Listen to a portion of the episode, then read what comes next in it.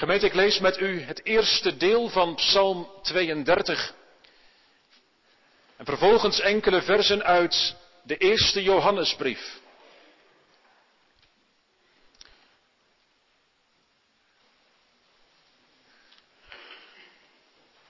Wanneer de Heer ons het leven geeft, hopen we volgende week zondag ook Psalm 32, zowel s morgens als s middags, open te leggen in uw midden. Nu lezen wij samen de versen 1 tot en met 5. En uit de eerste Johannesbrief, hoofdstuk 1, vers 8 tot en met 2, vers 2. 1 Johannes, dus de brief van Johannes, achter in je Bijbel, vlak voor openbaring. 1 Johannes 1 vanaf vers 8 tot en met 2 vers 2. Maar eerst Psalm 32, de versen 1 tot en met 5. Daar klinkt het woord van God. Een onderwijzing van David. Welzalig is hij van wie de overtreding vergeven, van wie de zonde bedekt is. Welzalig de mens wie de Heere de ongerechtigheid niet toerekent en in wiens geest geen bedrog is. Toen ik zweeg, teerden mijn beenderen weg onder mijn jammerklachten de hele dag. Want dag en nacht drukte uw hand zwaar op mij. Mijn levensvocht veranderde in een zomerse droogte. Mijn zonde maakte ik u bekend. Mijn ongerechtigheid bedekte ik niet. Ik zei, ik zal mijn overtredingen beleiden voor de Heere. En u vergaf mijn ongerechtigheid, mijn zonde. Tweede lezing uit 1 Johannes 1 vanaf vers 8 tot en met 2 vers 2.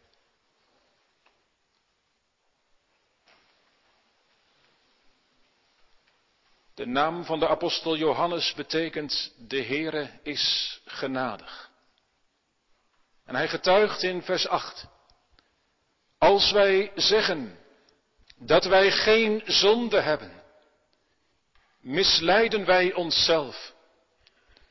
En is de waarheid niet in ons. Als wij onze zonden beleiden, Hij is getrouw en rechtvaardig om ons de zonden te vergeven en ons te reinigen van alle ongerechtigheid. Als wij zeggen dat wij niet gezondigd hebben, maken wij Hem tot leugenaar en is Zijn woord niet in ons. Mijn lieve kinderen, ik schrijf u deze dingen op dat u niet zondigt. En als iemand gezondigd heeft, wij hebben een voorspraak bij de Vader. Jezus Christus, de rechtvaardige. Hij is een verzoening voor onze zonden. En niet alleen voor de onze, maar ook voor de zonden van de hele wereld. Tot zover gemeente de lezing van het woord.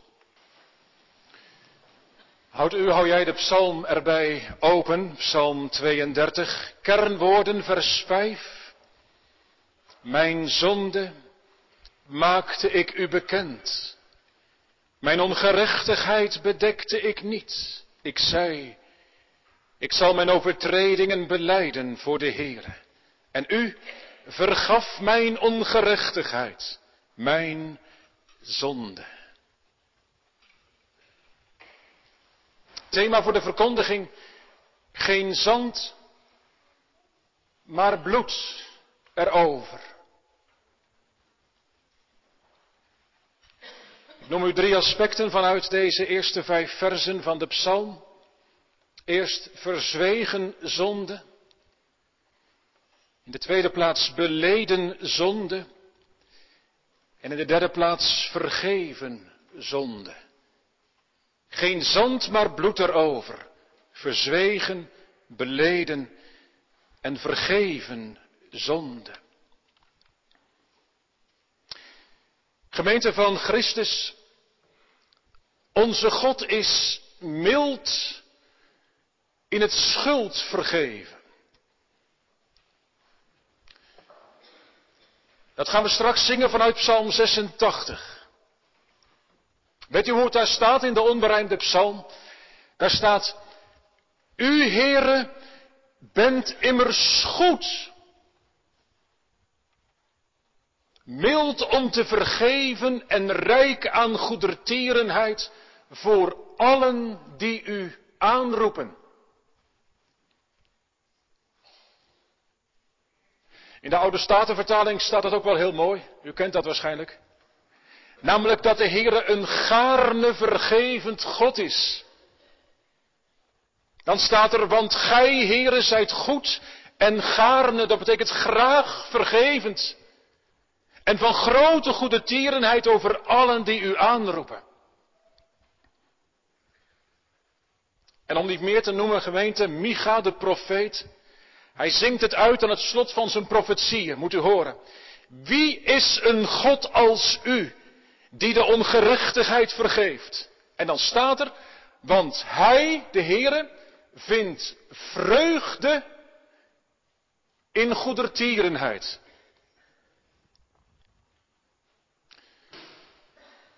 Jongeren, weet je waar de Heere blij van wordt? Misschien zeg je nou, als je goed naar hem luistert. Ja, dat hebben we zo geleerd, hè? Als je zonde doet, dan wordt de Heer daar verdrietig van. Als je goed naar hem luistert, dan wordt de Heer blij. Nou, dat is waar. Maar weet je waar de Heer nog veel blijer van wordt? Als jij met je zondige leven, moet je goed horen, hè? niet met je opgepoetste leven, als jij met je zondige leven tot Hem komt. Het zal feest zijn in de hemel. Als u of jij vanmiddag met je zondige leven komt tot de Heere Jezus. En dan gaat God doen wat hij het allerliefste doet, namelijk, ja, vergeven. Vergeven. Daar vindt hij vreugde in. Schuld en vergeving. Gemeente, daarover gaat het vanuit deze 32e psalm. Het is een onderwijzing.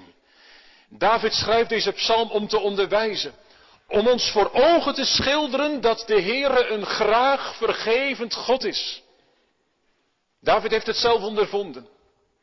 En het eerste wat hij in deze psalm doet is ons verzekeren van het grote geluk als je zonden vergeven zijn. Wel gelukzalig staat er, overgelukkig. Het straalt er vanaf, op en top gelukkig.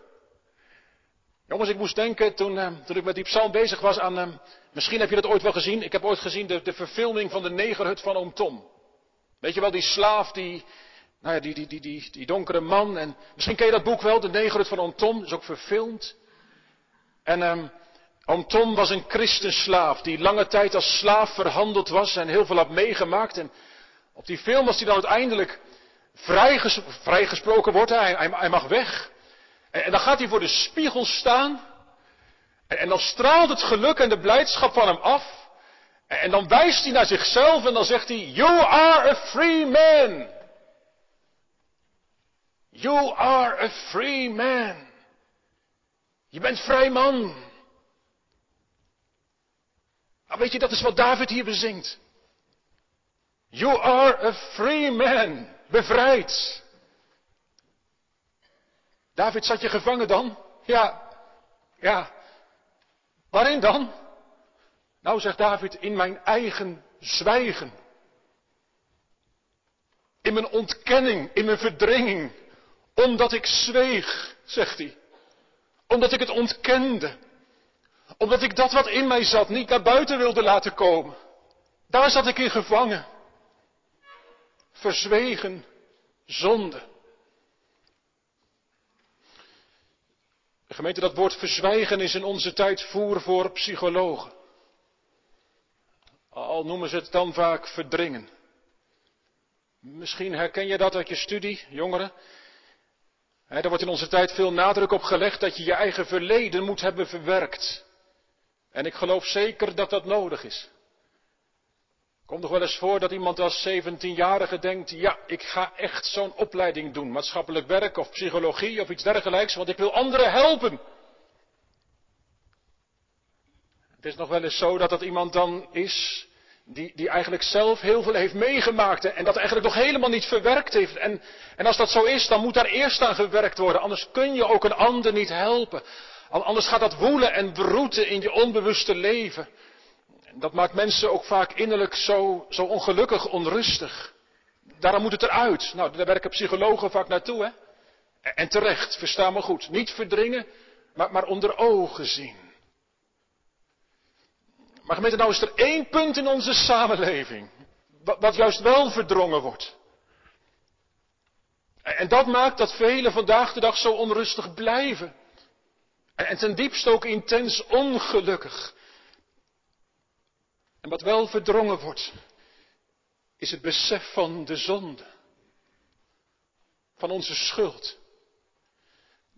Daar heeft David het over in vers 3. En, en dan kun je denken aan concrete zonden. Hè? Je kent waarschijnlijk de geschiedenissen van David wel, met, met Bathseba en, en Uria. En, een jaar lang had David daar inderdaad over gezwegen, voordat de profeet Nathan bij hem kwam en tegen hem zei, jij bent die man.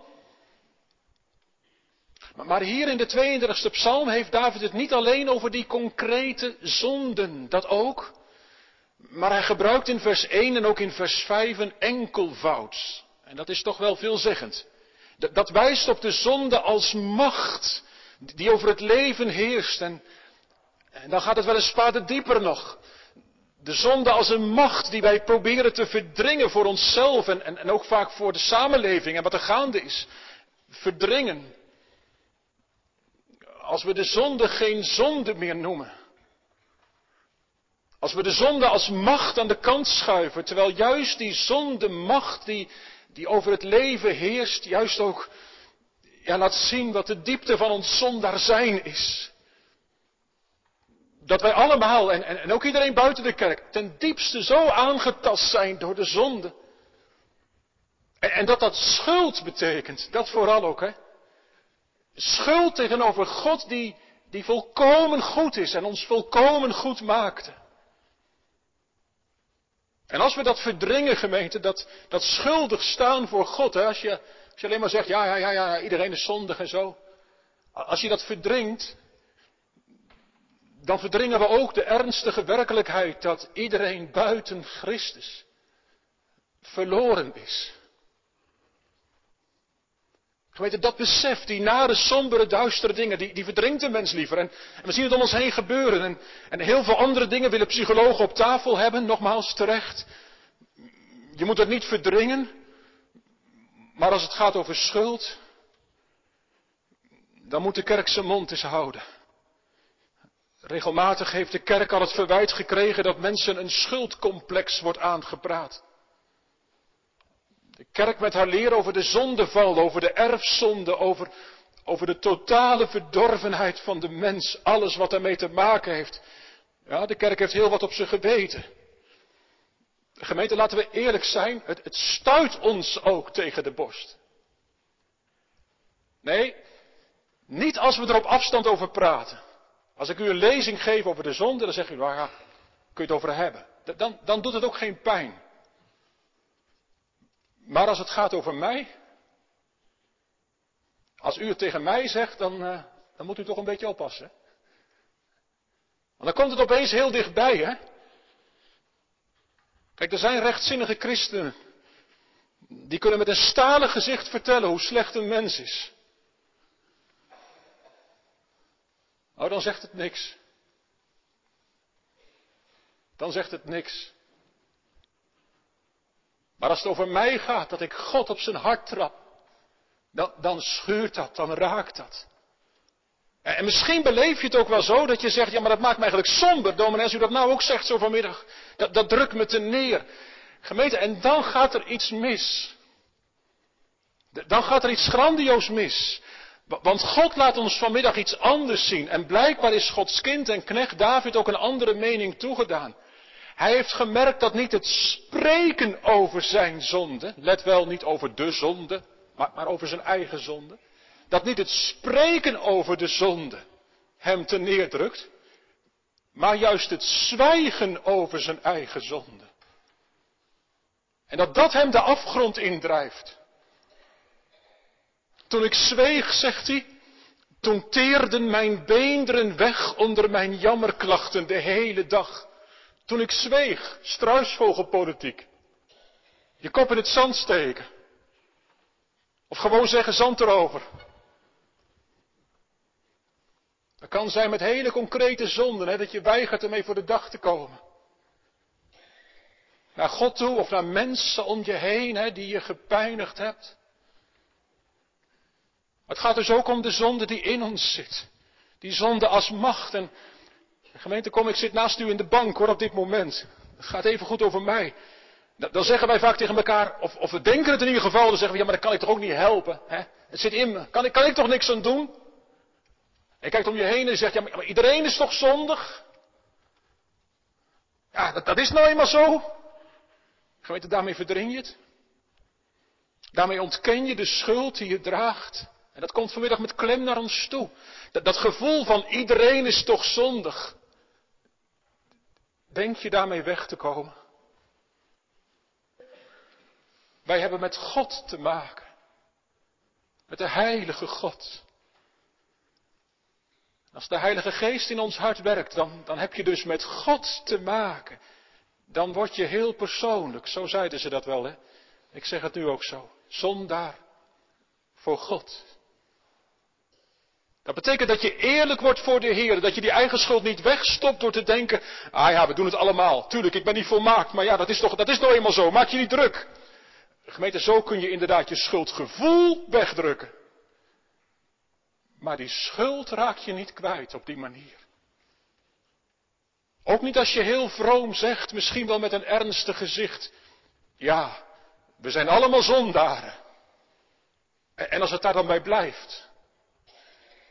Als je niet werkelijk op de knieën komt voor de Heere je God. Gemeente, of je er nou linksom of rechtsom, oppervlakkig of rechtzinnig mee omgaat. Als je alleen maar erover denkt en er van alles over zegt en vindt.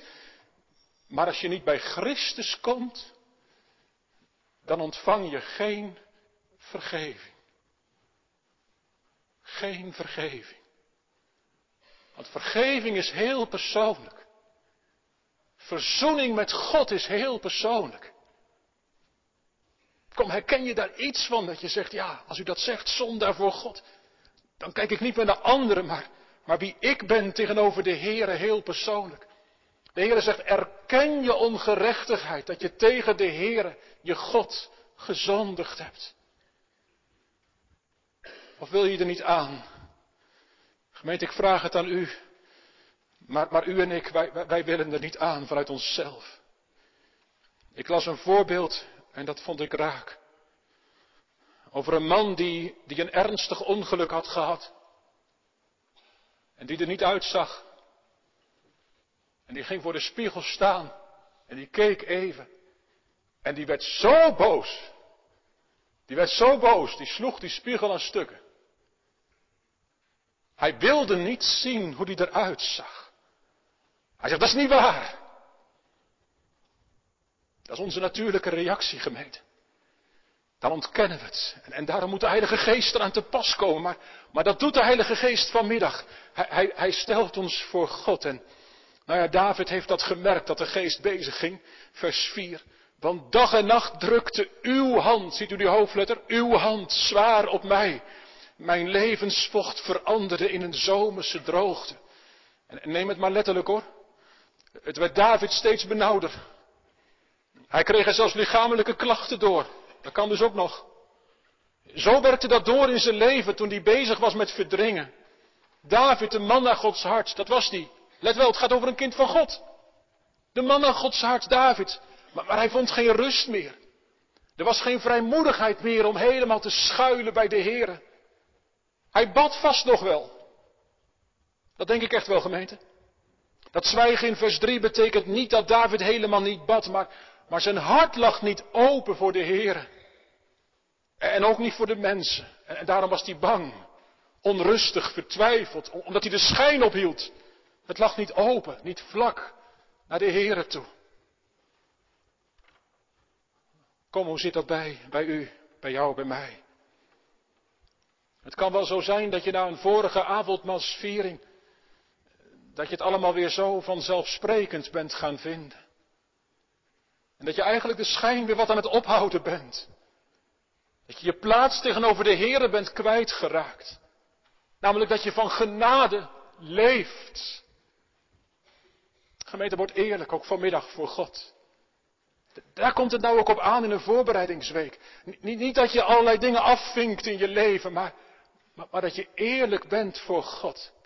Dat je je plaats tegenover de Here voor het eerst of opnieuw vindt om, om niks van jezelf te verwachten, maar alles van de Heer Jezus Christus. En wat is dat een bevrijding? Wat is dat een bevrijding als de Heilige Geest er in je leven aan te pas komt? Als je door de Heilige Geest, om het maar zo te zeggen, wordt gearresteerd, dat je, dat je naakt voor God staat en dat je niks meer voor hem verbergen wilt. En dat is blijvend onze plaats, gemeente. Ook als je de Heer al lange tijd kennen mag. Hoe lazen we dat net? Wij komen niet tot het avondmaal om daarmee te zeggen dat we in onszelf volkomen en rechtvaardig zijn. Integendeel.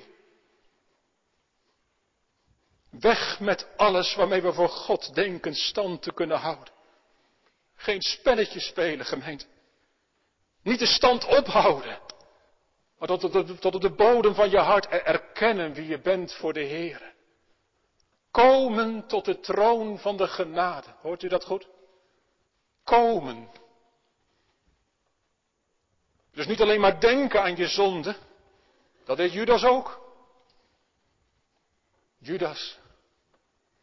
En dat deed Kain ook. Die dacht ook wel over zijn zonde na. Ja, dan, dan heb je wel een besef van schuld, maar, maar dat drijft je niet uit naar Christus. Met je zondebesef maakt je niet zaliger. Maar, maar, maar de Heer Jezus Christus, om, om tot Hem te komen. Je moet bij Jezus zijn. En, en, wat was het een bevrijding voor David toen aan zijn zwijgen een einde kwam.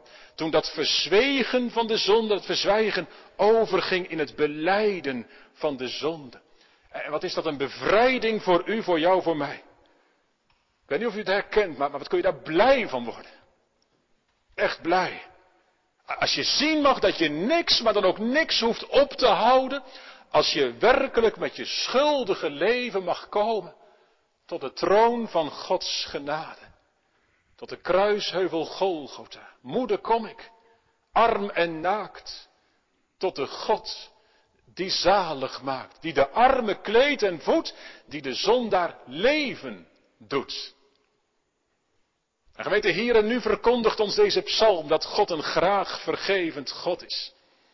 En als je daarvan overtuigd raakt, als je de liefde en de gewilligheid van de zaligmaker ziet, zou dat je dan niet lokken en aanmoedigen om echt alle maskers af te werpen?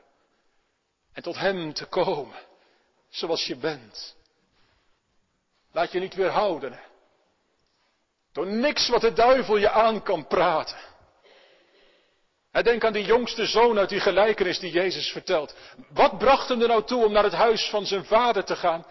Er staat dat hij dacht aan zijn vader.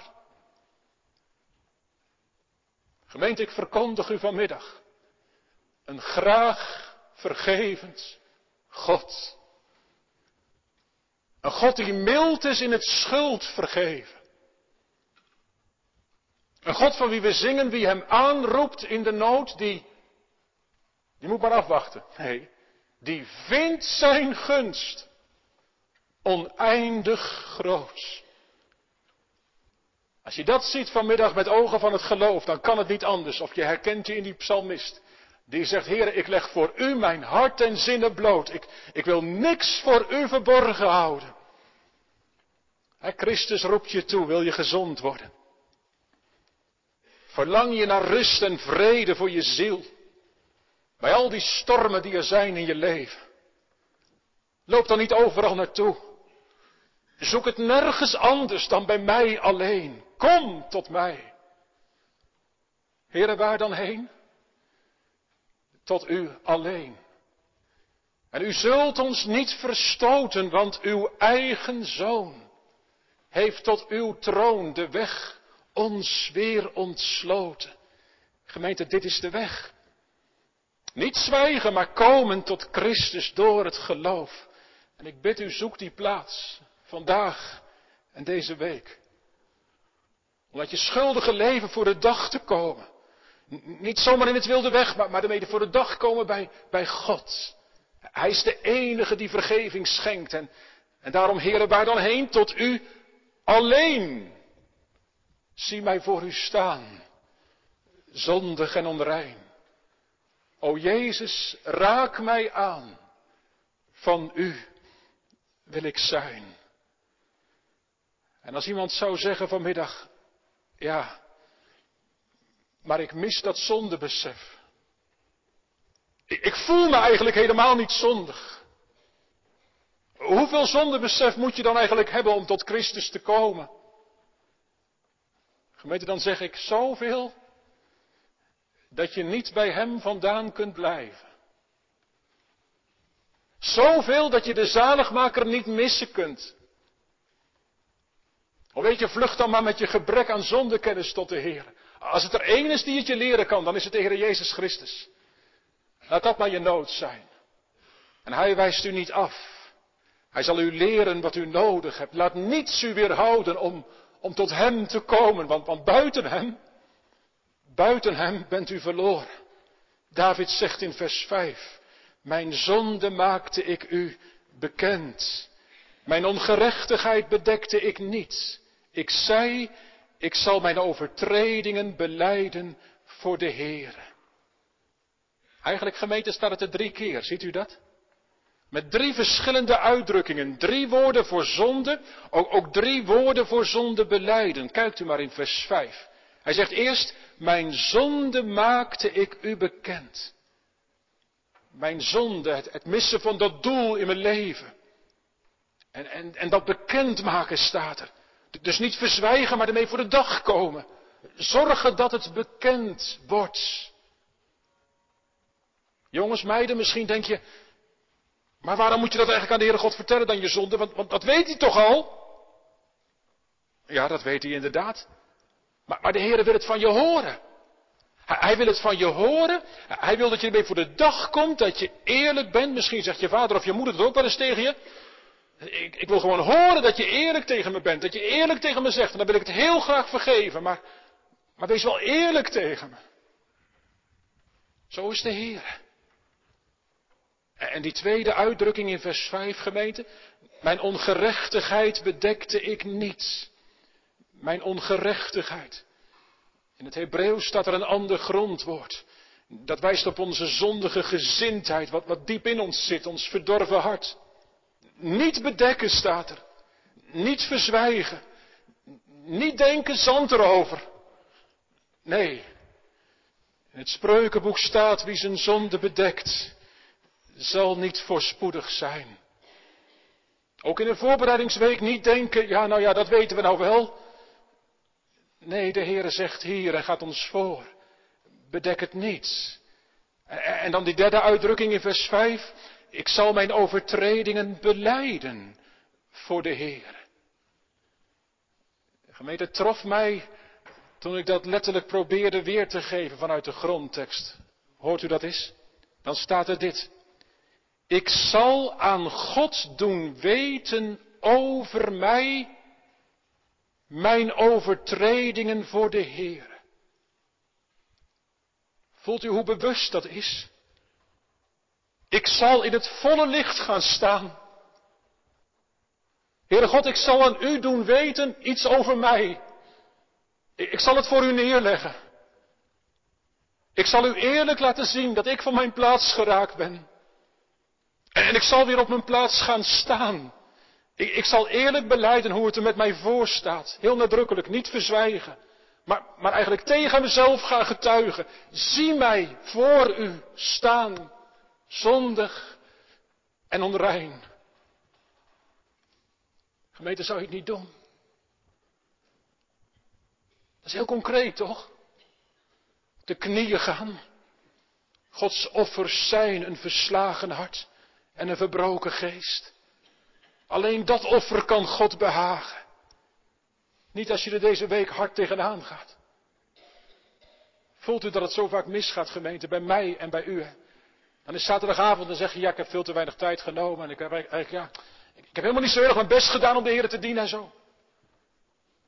Dan zegt de Heer, joh, kom er nou niet mee aandraven. Maar, maar erken nou, erken nou, kom nou op je knieën. Dat je zegt, Heer, ik, ik heb al zo lang en elke keer meer me verstopt eigenlijk, ook met die zonden die niemand weet en, en die ik eigenlijk ook zelf niet wil weten, maar die er wel zitten. Heer, tegen u heb ik gezondigd. En gemeente, je misleidt jezelf als je daar te hoog voor bent, voor zit. Als je de zonde vergoelijkt. Ik, ik noem u nog een keer dat woord uit uw Johannesbrief, ik las het u voor. Als wij zeggen dat wij geen zonde hebben, misleiden wij onszelf en is de waarheid niet in ons. Als wij onze zonde beleiden, dat staat hier hè, hij is getrouw en rechtvaardig, dat hij ons reinigt van alle ongerechtigheden. En misschien zeg jij vanmiddag, ja maar wacht even, hoe kun je dan al je zonden beleiden? Ik ben wel eens bang dat ik zonden doe die ik zelf niet eens in de gaten heb. Wat dacht je van die zonden in je dromen? Ik ben blij dat jij mijn dromen niet altijd kunt lezen. Wat dacht je? Dat ziet de Heer wel. En als ik ze dan niet beleden heb aan de Heere God, als ik ze vergeten ben, worden ze dan ook niet vergeven? Ah, gemeente, als dat zo zou zijn, dan zou de vergeving afhankelijk zijn van onze schuldbeleidenis. Maar nee, dat is het niet. Het hangt niet af van onze schuldbeleidenis. God vergeeft enkel en alleen op kosten van de Heer Jezus. Op kosten van het kruis. En, toch wil de Heer dat wij onze zonde beleiden, heel concreet. Als we de zonde voor ogen krijgen, dan moet je ook om bidden hoor. Moet je gewoon om bidden. Heer, laat me maar zien welke zonden in mijn leven zitten. Waardoor de rust in mijn hart vaak ver te zoeken is.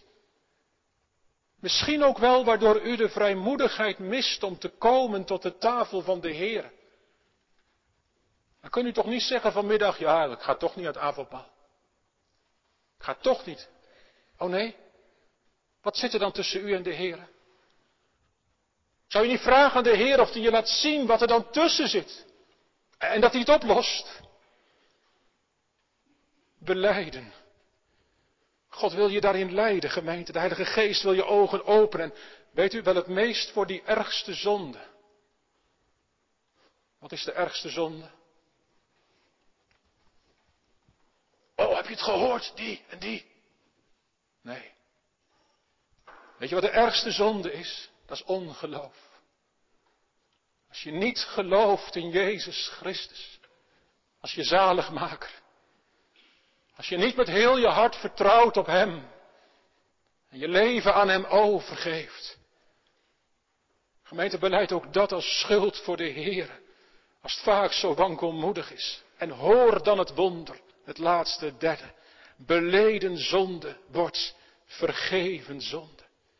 Hij vergeeft. Nee, niet omdat wij het allemaal zo precies hebben verteld aan hem. Maar om Jezus wil. Want kijk, en dat is nou de diepste verkondiging van deze psalm. Als een jubel, als een juichkreet, als een bazuinstoot komt het eruit. En u vergaf mijn ongerechtigheid, mijn zonde. Het woordje u staat in de grondtekst helemaal vooraan, met heel veel nadruk. U, u vergaf. Gemeente, we zongen het, hè? Ja, ik beleed na ernstig overleg, dus heel bewust, mijn boze daden. U nam die gunstig weg. Gemeente, God laat je geen minuut staan. Geen minuut. Als je klopt aan de deur van Gods genadetroon. Als het je echt om deze God te doen is, hij, hij wacht om genadig te zijn. Wij hebben een graag vergevend God. Mild in het schuld vergeven. En wie hem aanroept in de nood, die vindt zijn gunst oneindig groot. Nee, dat is niet hetzelfde als wat die Franse filosoof zei, hè? Voltaire. Die zei, pardonnez, c'est son métier. Vergeven, dat is Gods beroep. Klop een keer aan, je krijgt vergeving. Gemeente, dat is godslastelijk. Als je zo op afstand ernaar kijkt. Want genade is wel gratis, jazeker, maar niet goedkoop. Bedenk dat de Heere zijn geliefde zoon gaf. Tot aan het vloekhout van het kruis. Weet u wat Paulus daarover zegt? God heeft zijn zoon tot zonde gemaakt. Ah, die tekst krijg ik niet klein hoor. Ja, heel veel niet, maar die ook zeker niet. God heeft zijn zoon tot zonde gemaakt.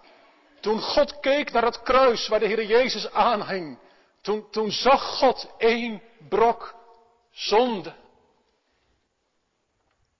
En waarom deed God dat? Opdat wij zouden worden, zegt Paulus, gerechtigheid van God in Hem.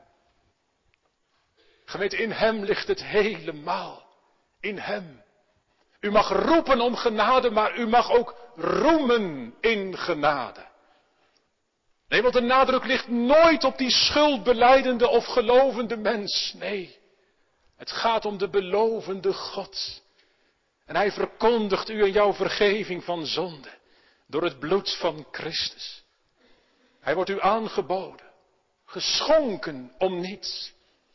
Er is een gestorven Christus voor u en voor jou. En denk dan niet dat je eerst ergens aan moet voldoen, alsof u toch een bepaalde stand op moet houden. Weg ermee. Ook onze schuldbeleidenis en zelfs ons geloven is niet de grond waarom God vergeeft. Het is alleen maar de weg waarin je tot God komt. En de Heilige Geest, die, ja, die wil je vanmiddag bij de hand nemen. Hier met deze psalm.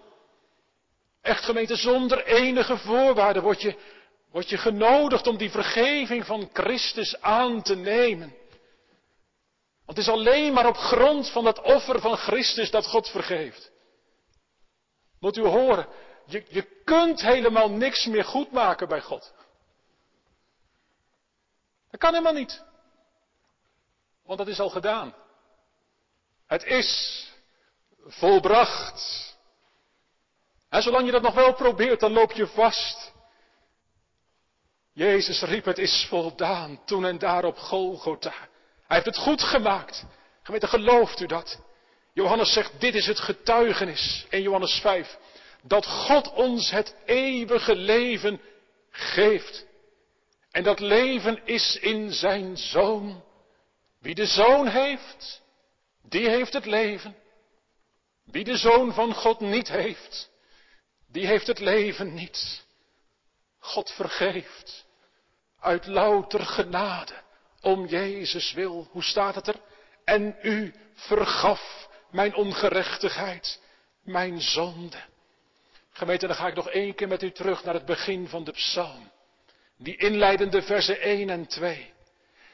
Zojuist hoorden we vanuit vers 5 over drie uitdrukkingen voor schuldbeleiden. Hè? Dat stond in vers 5.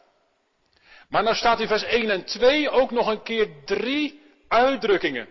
Maar dan over wat God met de schuld en met de zonde doet. Kijkt u mee? Vers 1. Er staat welzalig, overgelukkig is hij, dat is het eerste, van wie de overtreding vergeven is. En dat woordje vergeven, gemeente, dat betekent vanuit de grondtekst opheffen. Wegnemen. Ah, dan zie ik Johannes de Doper staan, die, die met zijn vinger wijst naar de Heer Jezus en die zegt, zie het lam van God dat de zonde van de wereld, daar hebt u het, wegneemt. Wegdraagt. Opheft tot op het kruis van Golgotha. Hij neemt het van mij af. En, en hij legt het op Christus neer. Dat is vergeving. En als u, als jij nou mag zien vanmiddag op de gekruisigde Heere Jezus, gemeente, zie. Hé, dat is geen voorzichtig advies hoor. Mag ik het zo tegen u zeggen vanuit de liefde van mijn hart? Ik gebied het u. In naam van mijn zender. Zie. Zie dat lam van God Zie op hem en word behouden. Wel gelukzalig als je ziet op het lam van God. Uw zonden zijn u vergeven. En dat tweede in vers 1. Van wie de zonde bedekt is. Daar heb je weer dat woord bedekken. In vers 5 zei David, mijn ongerechtigheid bedekte ik niet. Nee, dat kan ook niet. Als, als wij het bedekken, door het te verzwijgen, door de zand over te doen, nou, dan is de schuld niet weg. Maar, maar als, vers 1, als God de zonde bedekt, dan is de schuld werkelijk weg. Want hij bedekt niet met zand, maar hij bedekt met bloed. Met het bloed van zijn geliefde zoon. En het bloed van Jezus Christus, Gods zoon, dat reinigt van, van alle zonde, ook die ene zonde. Die u er maar niet onder krijgt. Die ene zonde die jij maar niet vergeten kunt. Zelfs gemeente die zonde van ongeloof, begrijp je het? Als ik het maar niet kan geloven. Als het allemaal zo'n gestuntel is bij mij. En dan zegt de Heer, kom, zie mijn zoon, mijn geliefde. Het bloed van Jezus Christus, Gods Zoon, reinigt van alle zonde. En als God de zonde bedekt met bloedgemeente, dan is het zelfs voor God onvindbaar. En tot slot het derde wat er staat in vers 2. De mens is gelukkig, welzalig, wie de Heere de ongerechtigheid niet toerekent. Niet toerekent. Dat is het niet op je rekening schrijft. Jongens, meiden, stel je voor dat je naar de winkel gaat en, um, en de cashier rekent iets niet. Dan hoef je het ook niet te betalen. Nou, dat staat hier. De Heere God zegt, ik reken het niet toe. Ja, je krijgt de rekening wel thuis gestuurd. Vanmiddag ook in de prediking. Dat je tegen een goeddoend God gezondigd hebt. Maar wonder boven wonder, als je met ogen van het geloof kijkt naar de gekruisigde Heere Jezus. En als je dan weer kijkt naar die rekening die je thuis kreeg. Zie je het goed? Dan staan de rode letters doorheen. Voldaan. Betaald. Om Jezus wil. Kom gemeente. Is het u om God te doen? Graag, vergevend. Geldt het u en jou zoals het hier staat aan het eind van vers 2? In wiens geest geen bedrog is. Heer, hier ben ik. Heb je niks meer te verbergen? Voor de Heer, voor je God. Omdat het leeft in je hart. Moeder, kom ik. Armen naakt tot de God die zalig maakt. Hoor nog een keer. Uw zonden zijn u vergeven. Om Jezus wil. En kom dan ook volgende week aan zijn tafel. Want de meester is daar. En hij roept u. Amen.